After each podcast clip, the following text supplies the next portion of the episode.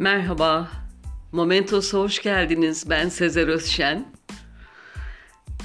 Sesimin farkındayım.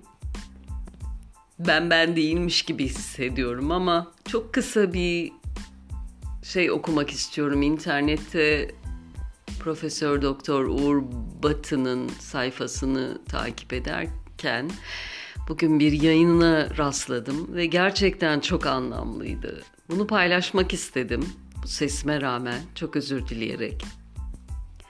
Kazanmak hep birinci olmak mıdır? 92'den beri hoş bir kahramanı olan rekortmen 400 metreci İngiliz atlet Derek Redmond'dan söz edeceğim.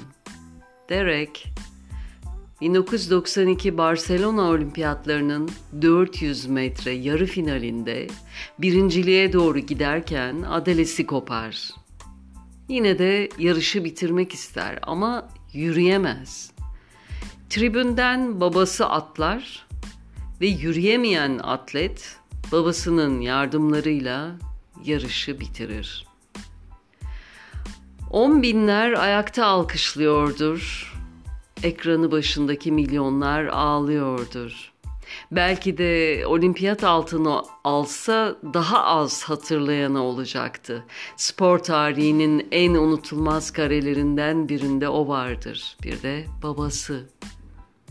Ve ben şöyle düşünürüm.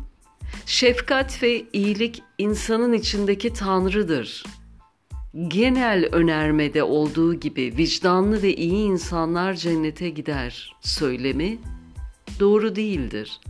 Şefkatli insanlar nereye giderse cennet orası olur. Bu sese rağmen dinlemeye değerdi değil mi?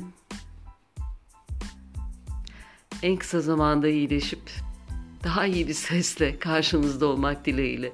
Dinlediğiniz için teşekkürler. Hoşça kalın. Momentos'ta kalın.